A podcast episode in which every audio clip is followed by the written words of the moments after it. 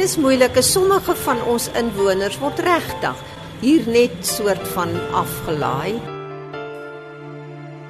En dan moet ons nou maar sorg dat hy van die of sy van die nodige benodighede voorsien word.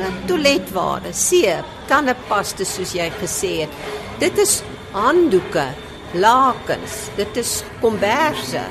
Dit is goed wat uh, baie nodig is in hierdie uh, fasiliteit van ons. Baie van hierdie goed uh baie van hierdie lakens en slope en handdoeke moet baie gewas word en skoon gemaak word. So hulle hou nie baie lank nie en enige klere. Hier is sommige van hierdie bejaardes wat nie genoeg klere het nie en wat ook nie kry nie. So ons moet maar voorsien in daai behoeftes van hulle. So enige skenking is vir ons wonderlik. Ons gebruik dit tot daaromtrent niks meer van dit oor is nie. As ons nou gaan kyk na rand en sent. Ehm um, julle kry miskien 'n klein bedragie van die staat af, maar hoeveel kos dit om 'n persoon of dit nou jonk is of oud is, want ek sien julle het 'n klomp verskillende ouderdomme hier te onderhou. Dit kos ons gemiddeld tussen 7 en 8000 rand om hierso 'n pasiënt te versorg in hierdie huis. Uh, dit ons hanteer dit soos dit soos dit kom, maar ons weet ons gaan nie meer kry nie. Uh, ons probeer ons bes en jy het nou gesê hier's verskillende ouderdomme. Jy weet in die ou dae het ons nooit 'n uh, gestremde persone ingeneem nie. Deesdae word ons verplig omdat ander ander instansies word gesluit en waar gaan jy met hierdie persoon heen? Jy almal kan dit nie in hulle huise uh, versorg nie. Baie mense werk buite in huis. Wat maak hy nou met hierdie uh, gestremde. Met ander woorde hier by ons is nou gestremdes en hier is bejaardes en hier is psigiatriese persone wat nou almal saam hier in het, in in hierdie fasiliteit bly. So so die druk op julle is groot. Die druk op ons is regtig baie groot. Om en, ons wil so graag aan hierdie mense se behoeftes voorsien.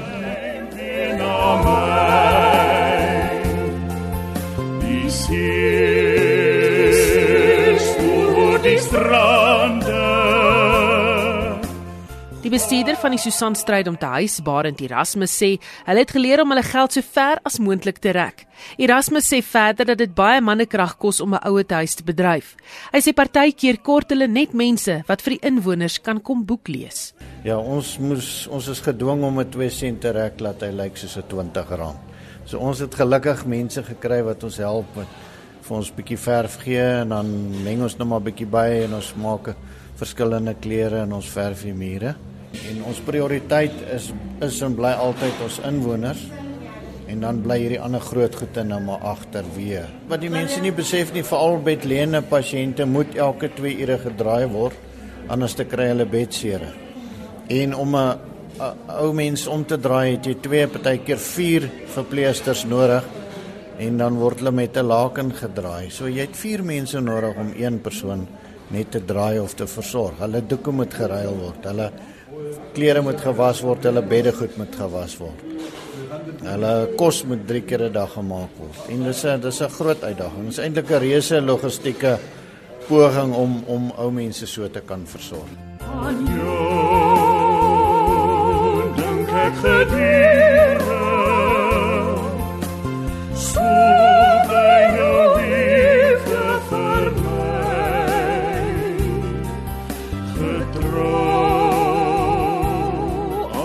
Vede